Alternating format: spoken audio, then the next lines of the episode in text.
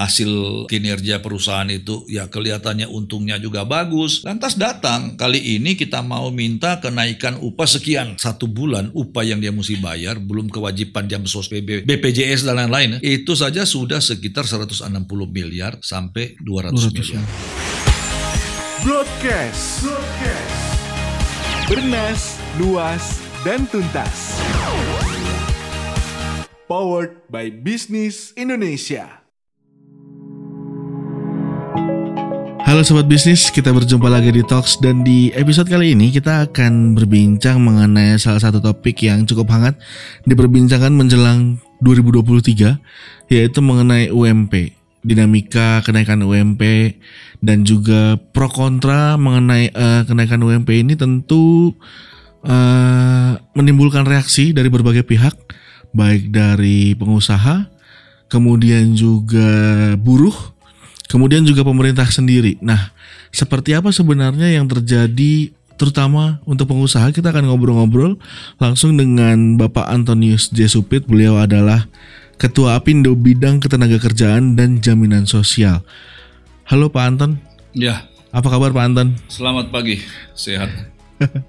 Pak, boleh uh, diceritakan sedikit Pak mengenai kenaikan UMP yang uh, di 2023 ini maksimal 10%. Tapi kalau kita bicara Jakarta, DKI Jakarta sendiri sudah ditetapkan oleh Pemprov yaitu sekitar 5,6 persen, Pak. Kemudian eh, bagaimana Apindo sendiri melihat kenaikan UMP ini, Pak? Karena eh, seperti yang diberitakan juga di eh, pemberitaan dari Apindo sendiri menolak ya Pak ya untuk eh, kenaikan UMP sebesar 5,6 persen itu terutama untuk wilayah DKI Jakarta. Bagaimana Pak dari eh, Bapak Anton sendiri? Saya ingin klarifikasi bahwa Apindo tidak menolak kenaikan UMP ya dan kita belum bicara angka. Yang kita menolak adalah dasar penggunaan Permenaker 18 sebagai dasar kenaikan UMP karena apa? Nah, kita saya ingin cerita dulu tentang konteks daripada keadaan uh, ketenaga kerjaan kita.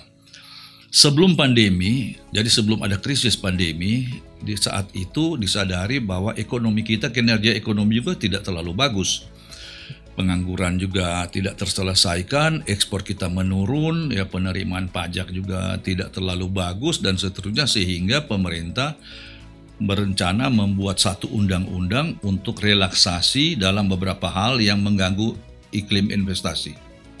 Antara lain ya tiga isu yang tiga isu utama itu adalah uh, bidang uh, perpajakan dan kedua perizinan, ketiga ketenaga kerjaan.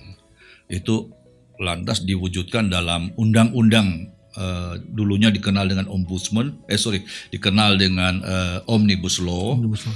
dan uh, setelah disahkan di DPR menjadi undang-undang cipta kerja. Cipta kerja. Ya kita fokus kepada ketenaga kerjaan. Kalau kita lihat dasar daripada uh, pemerintah membuat atau katakanlah meng, uh, mengamandemen beberapa undang-undang yang mengambil itu atas dasar ada 45 di samping tadi masalahnya ekonomi lain tapi ada 45 juta orang membutuhkan lapangan kerja.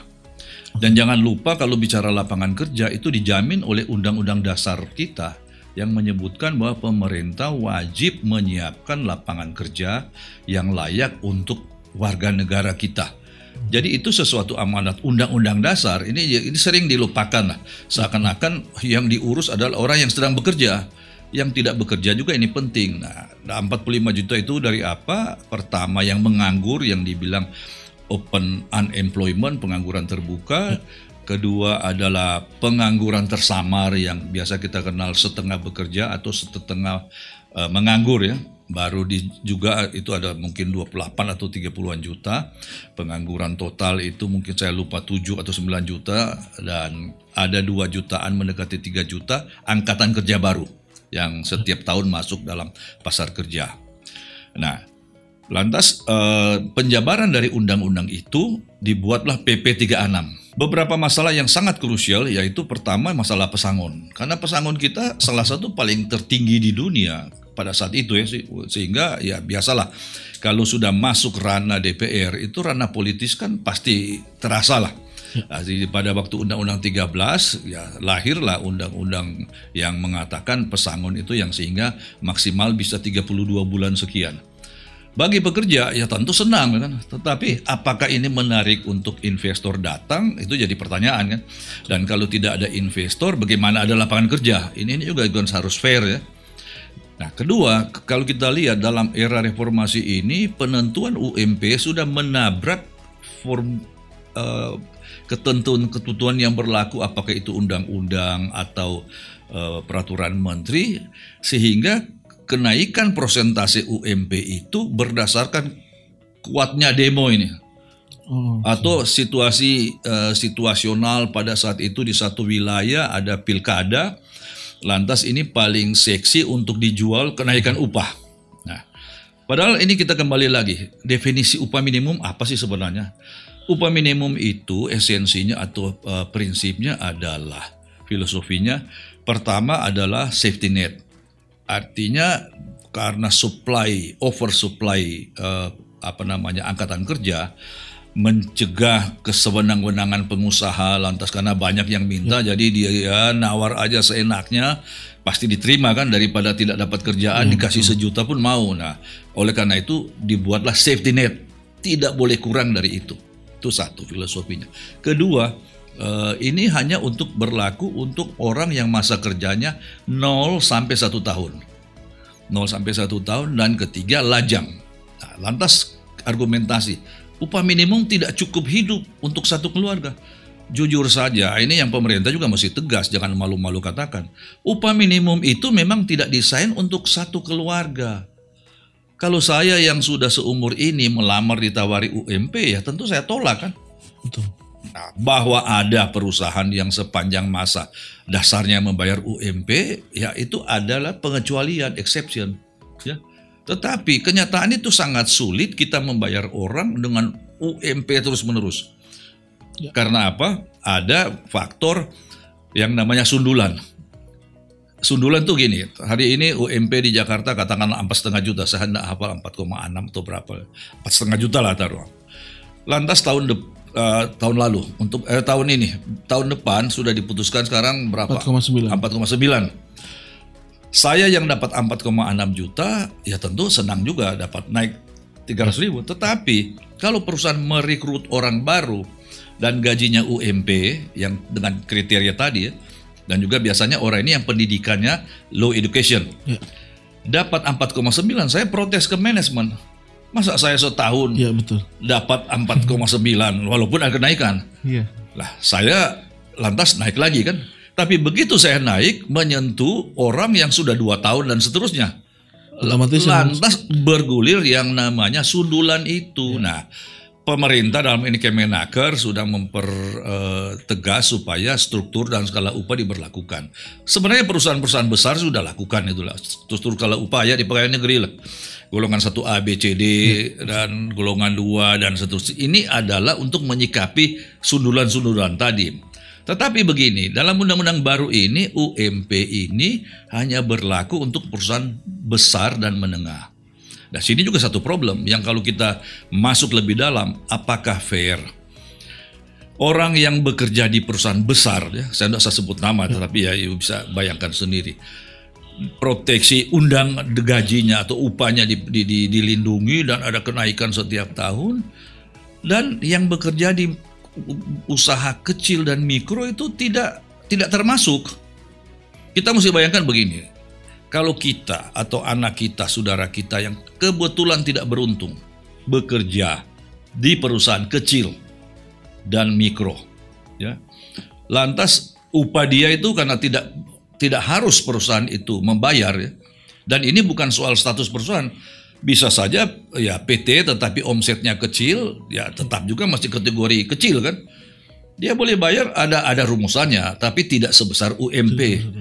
Artinya menurut saya UMP itu harus menjamin di seluruh republik ini dan per provinsi, per provinsi dan kabupaten kota upah yang diterima oleh orang yang ada hubungan kerja ya sebesar itu karena itu tidak boleh tinggi. Oke. Nah, contoh gini lah. Saya bicara di daerah katakanlah Jawa Barat. Saya dengar Pangandaran itu daerah yang paling eh, belum berkembang ekonominya untuk industri dan lain-lain. Kalau Anda mau buka usaha di sana, ya, buka restoran lah, ya, atau yang yang ya katakanlah kategori menengah umpamanya, Ya. ya sudah harus membayar upah sebesar paling tidak upah provinsi. Karena UMP itu berlaku terendah di seluruh provinsi, seluruh kabupaten, tetapi untuk kabupaten kota bisa diatur tersendiri, tapi tidak boleh rendah. Jadi kalau di Bandung dengan di Jawa Barat, saya lupa sekarang upah Jawa Barat berapa 3 juta, ya, ya berapa lah yang sekarang ini. Pangandaran yang orang mau berusaha formal harus membayar sanggup nggak? Akibatnya apa? Daerah-daerah ini tidak akan berkembang. Kecuali kalau orang itu ngemplang kan. Tapi buat apa bikin peraturan yang tidak bisa di diaplikasi, di, diimplementasi. Nah, kembali lagi. Jadi sekarang eh, ini backgroundnya ya, konteks cerita. Kenapa kita tolak? Karena di dalam eh, jadi ada dua hal. Pertama merubah beberapa substansi di dalam Undang-Undang 13, salah satu tentang upah minimum. Nah, di dalam undang-undang diatur untuk ke depan diatur harus ikut formula. Dan formula itu dibuat oleh pemerintah dan akademisi, bukan oleh pengusaha. Artinya kenaikan upah mengacu ke situ untuk menetralisir kenaikan atau uh, gap yang antara Jakarta dan Jawa Tengah kan terlalu jauh. Karena apa? Naiknya ini yang tadi, yang tidak ada aturan kan. Ya. Nah, oleh karena itu lahirlah formula, disebutkan di undang-undang dan ditegaskan lagi di PP. Yang kami surprise, eh, Menaker mengeluarkan Permenaker 18 yang bertentangan dengan PP maupun undang-undang. Saya tahu ini Ibu Ida pasti Ibu Menaker ini ya terjepit di tengah lah. Ibu Ida melaksanakan keputusan pemerintah, jadi bukan keputusan Menaker sendiri, itu pemerintah. Nah, jadi persoalannya ini ada ketidakpastian, Oke. ketidakpastian hukum. Mau ikut yang mana ini? Sedangkan kita semua tahu bahwa undang-undang dan PP itu lebih tinggi derajatnya daripada Permenaker. Nah, itu satu. Kedua, ada pada waktu Undang-Undang Cipta Kerja dibawa ke MK, keputusan MK itu adalah inkonstitusional bersyarat. Artinya dua tahun diberi waktu diperbaiki sesuai amanat keputusan itu dan selama dua tahun itu bagi yang sudah keluar peraturan turunannya itu diberlakukan bagi yang belum keluar tidak boleh. Artinya PPA PP 36 itu sah. Jadi tidak boleh lagi ada keluar peraturan di bawah itu yang menabrak yang keputusan MK ini kan jadi ada dua masalah kan artinya sudah dari segi derajat dan keputusan MK nah kita membawa ini ke Mahkamah Agung sudah masuk hari Senin Oke. adalah judicial review sebenarnya kita hanya menanyakan satu hal apakah sah menurut hukum Permenaker ini yang mendasari kenaikan yang sekarang ini. Yang angka yang tadi disebut eh, minimal 10%. ya maksimal 10 Maksimal 10%. Eh, minimal saya lupa berapa lagi itu eh, 8 apa 5 tapi oke lah maksimal 10 Nah sekarang dengan adanya ini saya berdapat berita tadi Bupati Bandung Barat menaikkan UPM, UMP 27 Nah ini kan yang membuat situasi menjadi kacau kembali lagi kepada sebelum adanya Undang-Undang Cipta Kerja ini dan yang paling mahal adalah pertama kepercayaan daripada investor ini akan menurun karena ketidak konsisten daripada pemerintah kita melaksanakan undang-undang yang dibuat sendiri. Itu satu. Dan kedua, kalau dipertanyakan siapa yang akan bayar ongkos sosial? Yang akan bayar ongkos sosial adalah kalangan pencari kerja. Pemerintah ini lupa bahwa dalam bicara ketenaga kerjaan termasuk UMP itu ada beberapa kelompok kepentingan.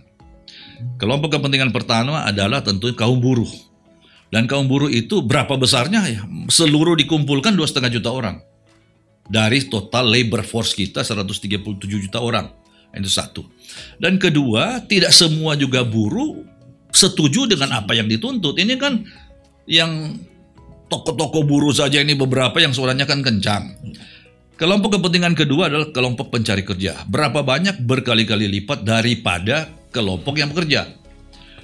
Ketiga, ya tentunya investor itu sendiri atau pengusaha. Keempat, pemerintah sendiri adalah sebagai kelompok kepentingan karena kepentingannya adalah pertama, menghasilkan pajak, supaya mendapatkan pajak. Kedua tentu devisa. Ketiga mengatasi kemiskinan ya dan ya melalui penciptaan kerja. Nah, sangat kami sayangkan kelihatannya kali ini pemerintah hanya melihat kepentingan satu kelompok yaitu kelompok buruh yang sedang bekerja. Saya kira ini backgroundnya kenapa kita menolak. Nah, kalau saya mau lanjutkan yang kedua ini sekarang di pertanyaan, bagaimana dengan angka sekarang? Kita memang sampai sekarang ini belum bicara angka karena yang keluar ini bukan berdasarkan formula yang diatur oleh undang-undang yang sah sebagai undang-undang. Jadi kalau kita ikut terlibat membicarakan ini loh, dasar yang dipakai ini kan bukan PP 36. Nah, jadi kita tidak bicara kita minta kepastian hukum dulu. Tetapi yang saya hanya ingin menyampaikan apakah bijaksana kalau kita lihat kondisi ekonomi sekarang. Memang Indonesia kalau menurut Pak Luhut salah satu yang terhebat di dunia itu itu dikatakan kan. Tapi begini, kalau kita lihat apakah ada yang hebat? Ada, yaitu uh, pertambangan ya, bidang-bidang uh, batu bara, nikel, sawit ya dan saya tidak tahu yang lain. Tapi apakah seluruhnya memang sehebat itu? Sekarang kita lihat teman-teman di persepatuan sudah menyampaikan kepada pemerintah order kita ini dikurangi oleh buyers, artinya dipotong oleh buyers sebesar 50%. Jadi kita ini kehilangan order 50%, kalau di garment 30%, termasuk sektor perkebunan karet pun itu mereka mengalami penurunan permintaan dunia sehingga nantinya yang akan terpukul adalah para pet, pe, apa namanya petani karet. Artinya karena ini kan perkebunan rakyat, bukan bukan perkebunan perusahaan ya. Dan furniture juga mengalami yang sama, makanan, minuman, elektronik dan lain-lain. Nah, yang jadi pertanyaan kami dalam kondisi seperti ini, apakah bijaksana menaikkan upah sebesar itu? Kita belum komentari untuk negosiasi ya. Tapi ini kan, nah kita ini sedang dalam menghadapi PHK. Kalau saya mau ambil data yang paling akurat adalah data dari BPJS Kesehatan. Eh, sorry, BPJS Ketenagakerjaan. Dari Januari sampai Oktober, Januari sampai Oktober eh, tahun 2022, yang sudah dikena PHK dua yang artinya ini urusan kita melihat patokan dari siapa yang mencairkan jaminan hari tua. Okay. Yang bisa mencairkan jaminan hari tua itu ada berbagai alasan ya. Ada 2,8 sekian juta orang. Tetapi yang mencairkan jaminan hari tua berdasarkan PHK sangat jelas ya. Sangat jelas itu ada 834 ribu 31 atau 37 orang 800 ribu lebih sampai November, sorry, sampai Oktober, Januari sampai Oktober. Dan saya kira November, Desember akan lebih banyak karena seperti kami sampaikan order ini kan kita terima beberapa bulan sebelumnya. Ya. Nanti terasa sekian bulan. Dan tahun depan juga akan sangat suram karena para buyers di luar negeri sudah memberikan warning. Kita tidak bisa menjamin order paling tidak sampai pertengahan tahun, tapi tidak tahu sampai akhir tahun bagaimana nasibnya. Nah inilah Pertanyaan kami, apakah bijaksana kebijakan-kebijakan ini yang sudah menabrak ketentuan yang lebih di atas dan konteks lapangan sekarang ini? Jadi itu latar belakang Apindo supaya masyarakat juga paham bahwa Apindo itu tidak ada niat itu menghalang-halangi peningkatan kesejahteraan, tapi kita harus berpikir secara komprehensif. Banyak masyarakat yang tidak mendapat perlindungan apa pun dan income seperti di sektor-sektor ya kita ini 60% informal worker. Hanya 40 yang formal. Nah, ini kan bangsa kita juga kan. Jadi harus dibuka peluang mereka bisa mendapat lapangan kerja. Saya kira itulah mas masalah background.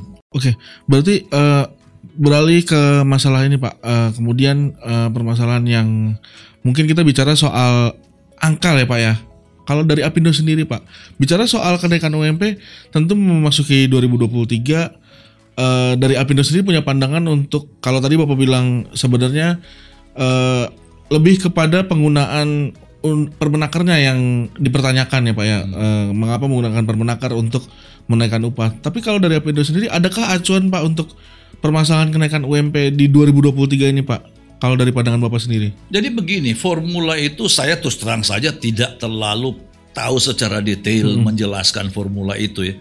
Eh, itu kan dibuat para ahli. Tetapi formula ini sudah mengantisipasi ekonomi kita membaik atau ekonomi kita memburuk.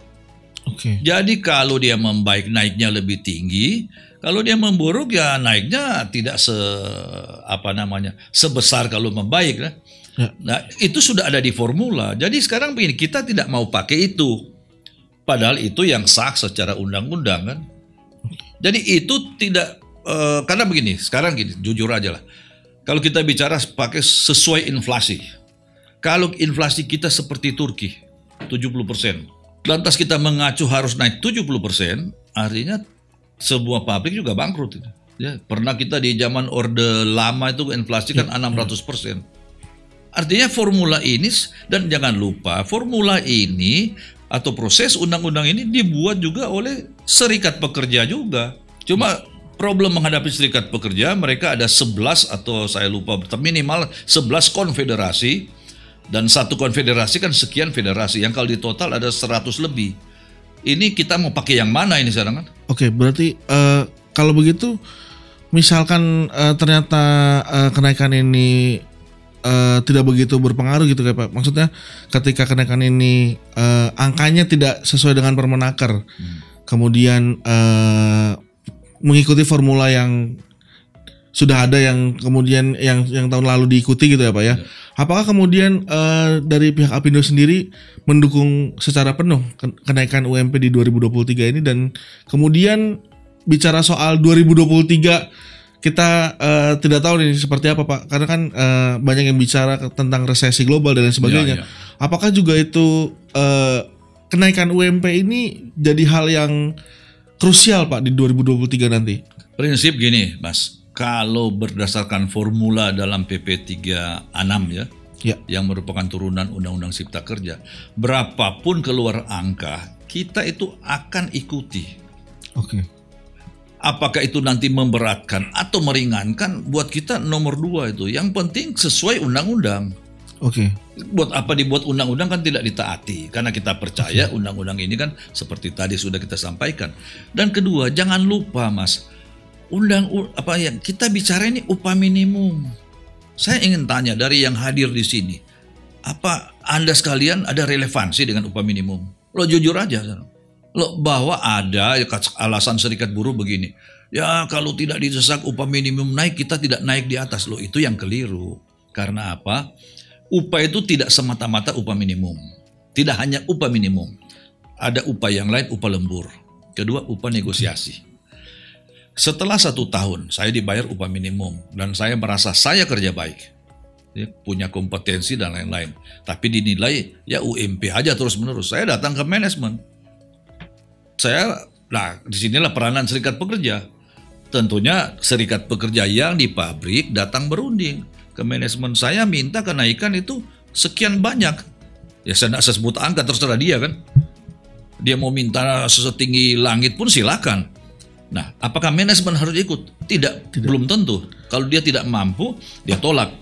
Di sinilah terjadi hubungan industrial yang sehat, negosiasi, mas. Artinya berarti harus ada pembahasan secara clear tentang UMP Ya, ini, dan Pak. begini, UMP domain pemerintah semestinya ya, pemerintah Oke. putuskan. Itu karena hanya itu mengikat satu tahun. Dan seperti saya bilang tadi, orang yang berpendidikan, yang punya pengalaman, tidak akan dibayar UMP. Kecuali perusahaan itu sangat bodoh dan pasti dia akan kehilangan. Dia akan kehilangan pekerjaan. Nah, kedua, setelah itu apakah orang di atas itu bisa mendapat loan? Itu bisa, yuk. Dan itu ada instrumen. Karena apa? berundinglah dengan tapi bipartit di tempat kalian berada karena tidak semua bidang usaha mempunyai kemampuan yang sama. Iya. Jadi kalau saya kebetulan beruntung di perusahaan yang besar, kalau saya lihat hasil uh, kinerja perusahaan itu ya kelihatannya untungnya juga bagus. Lantas datang kali ini kita mau minta kenaikan upah sekian. Nah, terjadi dialog. Kalau dialog itu tidak disetujui, dispute ya. Ya. Dispute apa sampai situ saja? Tidak. Kalau dispute mungkin difasilitasi oleh Depnaker ke dinas, tapi kalau tidak berhasil, lantas kalangan buruh itu mengatakan saya akan memakai senjata pamungkas kami, yaitu apa? Mogok. Oke. Nah, perusahaan punya senjata pamungkas juga. Saya mau lock out, tutup pabrik sementara. Kalau tutup, you nggak dapat gaji. Adu kuat. Nah, tapi sekarang gini pertanyaan, kalau Mas ada di pihak pengusaha, senang nggak kalau pekerja mogok? Pusing Kan juga, Pak.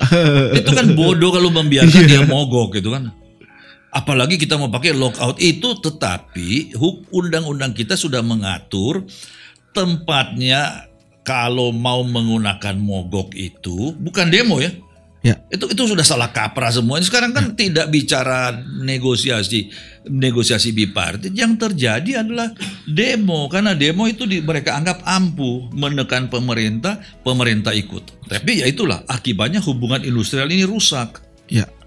Sebenarnya kan dia beginilah as, justru peranan serikat pekerja mendidik anggota-anggotanya pertama menjadi negosiator yang baik Betul. dalam membaca perkembangan perusahaan. Wah, Bapak ini untungnya banyak kan. Ya, tolong kita jangan cuma begini.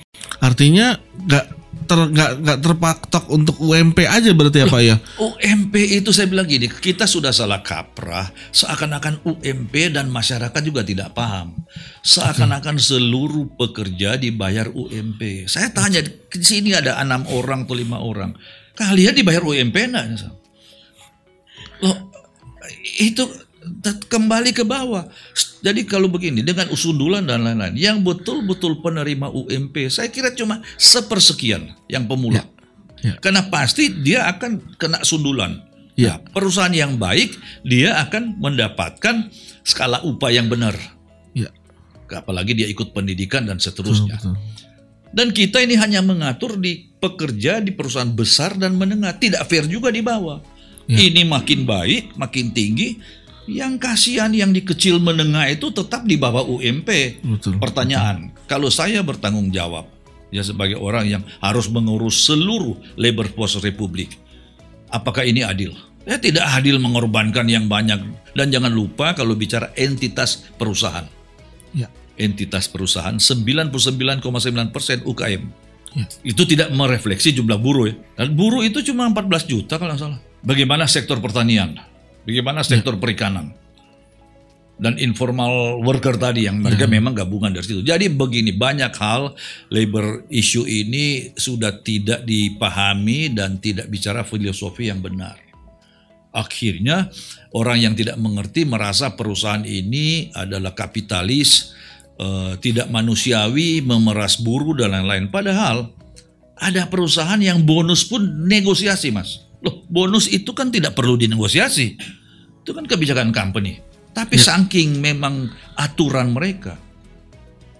Dan inilah tidak mau melihat kenyataan dan kalau pengalaman saya kalau kita dialog atau debat dengan aktivis buruh selalu dikasih contoh yang kasualistis apa namanya kasus ya satu contoh PHK yang sekarang dibilang oh itu bukan PHK itu perusahaan mem-PHK kan untuk karena menghindari bayar upah yang tinggi mengganti dengan yang baru. Nah, sekarang ini simpel aja Anda di sini mau nggak setiap tahun ganti orang? Nah, orang baru-baru mulai belajar dididik lagi itu kan nggak masuk akal. Ada yang bilang ini hanya karena termasuk orang pemerintah dan termasuk pengamat. Ini karena kalah bersaing loh. Persoalannya kita tidak mau melihat kenyataan yang terjadi Ya. menutup mata. Karena itu sekarang begini kalau kita bicara ya mas angka kemiskinan kita kelihatan kan kecil. Seberapa saya lupa tapi mungkin 28 juta kan. Tapi kalau kita lihat penerima subsidi saya punya data ini. Penerima subsidi dari pemerintah itu itu ada sebesar 98,6 juta. Eh 96, sorry 98,1 juta. Itu data Kemensos. Data Kemensos sayang keselip di mungkin ada di dalam map itu kali.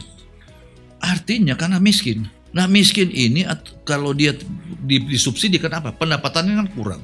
Betul. Ya semestinya dia ini harus di kalau dia dapat pekerjaan minimal kan ada perlindungan. Ada income, ada perlindungan.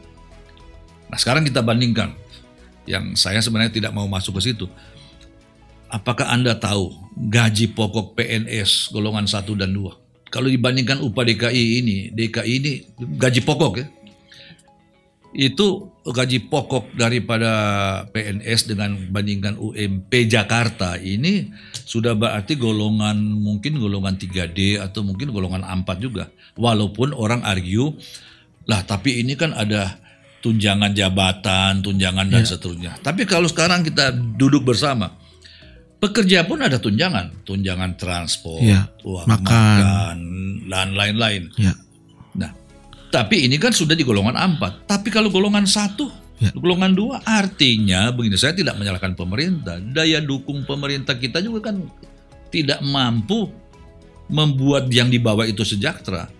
Nah, marilah kita sebenarnya membuat iklim usaha yang baik agar pengusaha itu bisa berproduksi dengan baik, ekspor yang banyak, pemerintah mendapatkan pajak, memperbaiki keselu- secara keseluruhan.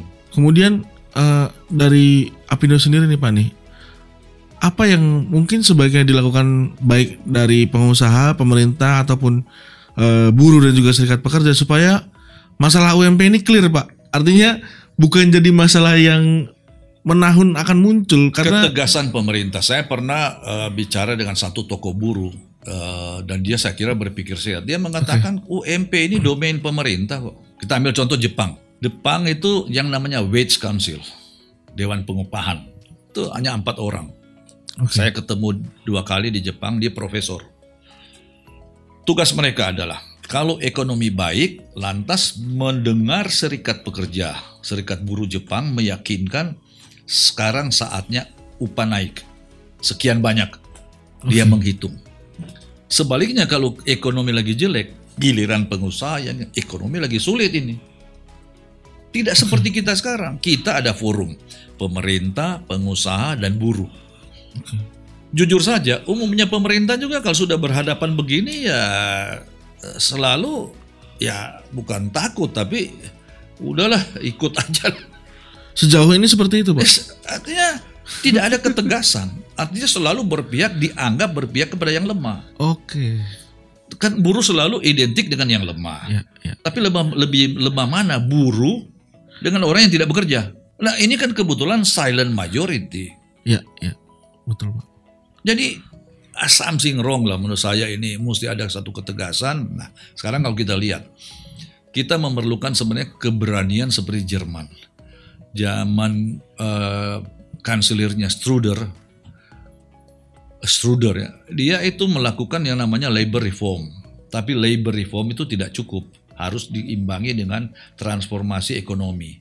Jadi akhirnya kalau kita ekonomi kita baik, makanya itu Jerman walaupun dalam keadaan sulit COVID ini, dia kan bisa meng ekonominya kan tetap masih bisa di survive lah ya. Dan padahal COVID ini betul-betul eh, sudah habis-habisan ya. Ya karena ada faktor transformasi ekonomi sehingga ekonomi mereka itu sehat. Jadi kita ini selalu menghindari mengatasi masalah yang populis. Akhirnya kan menunda-nunda. Ya kalau saya istilahkan gini lah. Ini kanker kok tapi tidak dioperasi aja kita bawa terus ini. Sehingga selalu jadi begini. Nah faktanya gitu aja walaupun pertumbuhan kita besar. Kenapa ada subsidi mesti 90 juta orang lebih. Data Mensos kan bisa dicek. Termasuk kalau kita saya ingat betul, kalau data dari BPJS Kesehatan, penerima bantuan iuran BPJS Kesehatan itu 96,8 juta dibayar APBN. Katanya, saya dengar dari DPR ya, ditambah dengan dibayar APBD ada 35 juta, 132 juta orang dibayar iuran kesehatan yang hanya 35 ribu sebulan. Ada yang bilang wah angkanya itu salah ya, tapi faktanya ya segitu kan. Dan kalau lihat kriteria penerima, penerima BPJS Kesehatan ada 14 kriteria. Salah satu saya ingat betul, aset bergerak tidak boleh lebih dari 500 ribu. Jadi kalau di rumah ada satu sepeda saja sudah tidak berhak semestinya. ya. Pendapatan kepala keluarga tidak lebih dari 600 ribu. Nah, jadi art- apa artinya angka ini sekarang? Jawabannya adalah beri lapangan kerja, Mas. Lapangan kerja tentunya tidak berarti diaji buruh. Tapi di sektor pertaniannya berkembang, sektor peternakannya bagus, dan lain-lain ya. Sektor lain ya Pak ya. Ya sektor lain. Nah ini memang memerlukan satu ya perencanaan yang tidak bisa tambal sulam. Kemudian dari Bapak sendiri sebagai Apindo Pak, apa harapannya Pak atas uji materi Permenaker yang sudah diajukan oleh Apindo Pak? Jadi kita gini lah, kita berharap tentunya hukum ditegakkan. Tapi apa pun keputusannya itu, karena kita ini warga negara yang taat hukum, ya kita terima aja. Oke. Nah, apa pun keputusannya kita ya namanya kan dia yang kita percaya Mahkamah Agung adalah lembaga yang paling tinggi dalam hal menentukan kebijakan dalam hal memutuskan kepastian hukum. Ya artinya ya kita berharap mereka itu bekerja dengan hati nurani sesuai dengan kompetensi mereka kan. Yang kalau saya selalu tanya kepada semua orang, ya, termasuk kepada anda yang di sini, tinggi mana PP dan Permen kan? Ya semua juga kan mengatakan kan PP. PP. Atau tinggi mana PP dan undang-undang pasti mengatakan Undang-undang. Tinggi mana undang-undang dan undang-undang dasar, undang-undang dasar dasar. kan gitu. Jadi eh, tapi tentunya gini lah, hakim kan punya terutama ma- hakim agung kan punya satu katakanlah kewenangan dan kompetensi untuk memutuskan ya kita berharap yaitu hukum ditegakkan kepastian hukum itu ditegakkan tapi apa pun hasilnya ya sama dengan kalau memakai formula berapapun prosentasenya ya kita terima kita nggak bisa bilang wah karena baik untuk kita kita dukung kalau tidak baik wah itu salah loh kita jangan mau konsisten kan Oke, mungkin terakhir nih Pak nih. Eh, mengingat 2023 banyak yang eh, bicara tentang resesi dan juga krisis ekonomi global juga akan terjadi mungkin di 2023. Bagaimana Apindo dan juga pengusaha di dalam Apindo menyikapi ini Pak? Menghadapi 2023. Ap- apakah PHK masalah yang ditakutkan di 2023 kemungkinan juga bisa muncul dan bisa terjadi Pak? itu yang paling kita khawatir mas karena beginilah kalau saya juga di industri sepatu ya Oke. Sekarang kalau kita bicara industri sepatu itu memang labor intensif ya, betul-betul labor intensif. Karena apa? Yang ada sekarang ter- kalau kita bicara sepatu itu lebih banyak sepatu sport. Ya, sepatu olahraga. eh, yang kita ekspor ke Amerika, ke seluruh dunia lah. Nah, itu umumnya satu pabrik kalau bicara 40 ribu, 30 ribu itu biasa itu. Terus artinya tidak seribu dua ribu lah ya. itu ribu. industri iya. Garment mungkin tidak sebesar itu, tetapi garment ada ribuan pabrik. Oke. Sehingga kalau dijumlah total pekerja garment itu 3 jutaan. Ya, kalau ditambah dengan yang tidak langsung ya lebih banyak lagi. Nah, saya kasih ilustrasi. Order menurun 50%. Bagi si 40 ribu pekerja ini, dia mesti bayar berapa gaji upah sebulan.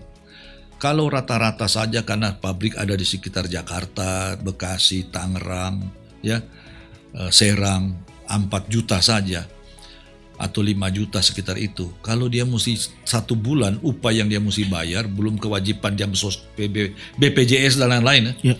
itu saja sudah sekitar 160 miliar sampai 200, 200 miliar. Nah, kalau 10 ribu ya 40 sampai 50, macam itu kan. Nah, tentunya pertanyaan sampai berapa lama dia bisa tahan, Mas? Oke. Untuk membayar ini tanpa ada income yang memadai. income yang iya. Nah, kalau dia menggendong terus beban ini, ya lama-lama kan tengkurap kan, ya nggak kuat lagi. Nah, kalau dia berpikir lebih panjang, situasi ini tidak tahu berapa lama. Kalau di kita di sepatu, garment dan eh, katakanlah yang fashion seperti ini, itu kita mengenal eh, yang namanya peak season dan low season. Ada bulan tertentu ordernya menurun. Nah, biasanya kita itu repot juga karena kita kurangi jam kerja tapi membayar upah yang penuh. Tapi itu kan hanya satu dua bulan, ya beberapa bulan. ya. Dan kita yakin adanya peak season menutupi ini. Iya. Tapi ini bukan low season seperti itu. Ini bisa setahun ordernya kurang separuh. Sehingga kita hanya berharap ya inilah pilihan terakhir. Karena mem-PHK orang pertama jangan dipikir kita senang. Kita sedih, orang yang sudah kenal tahunan, ada yang sudah puluh tahun, sekarang kita mesti terminate itu satu. Kedua, ini juga costly. Betul. Ya mesti bayar kan berapa banyak ini? Sangon. pesangon. Iya. Itu itu tidak gampang lah ya. Karena itu kita minta kepada pemerintah, sayangnya juga tidak di tidak ada ketegasan pemerintah. Beginilah, bisa enggak untuk meminimais PHK?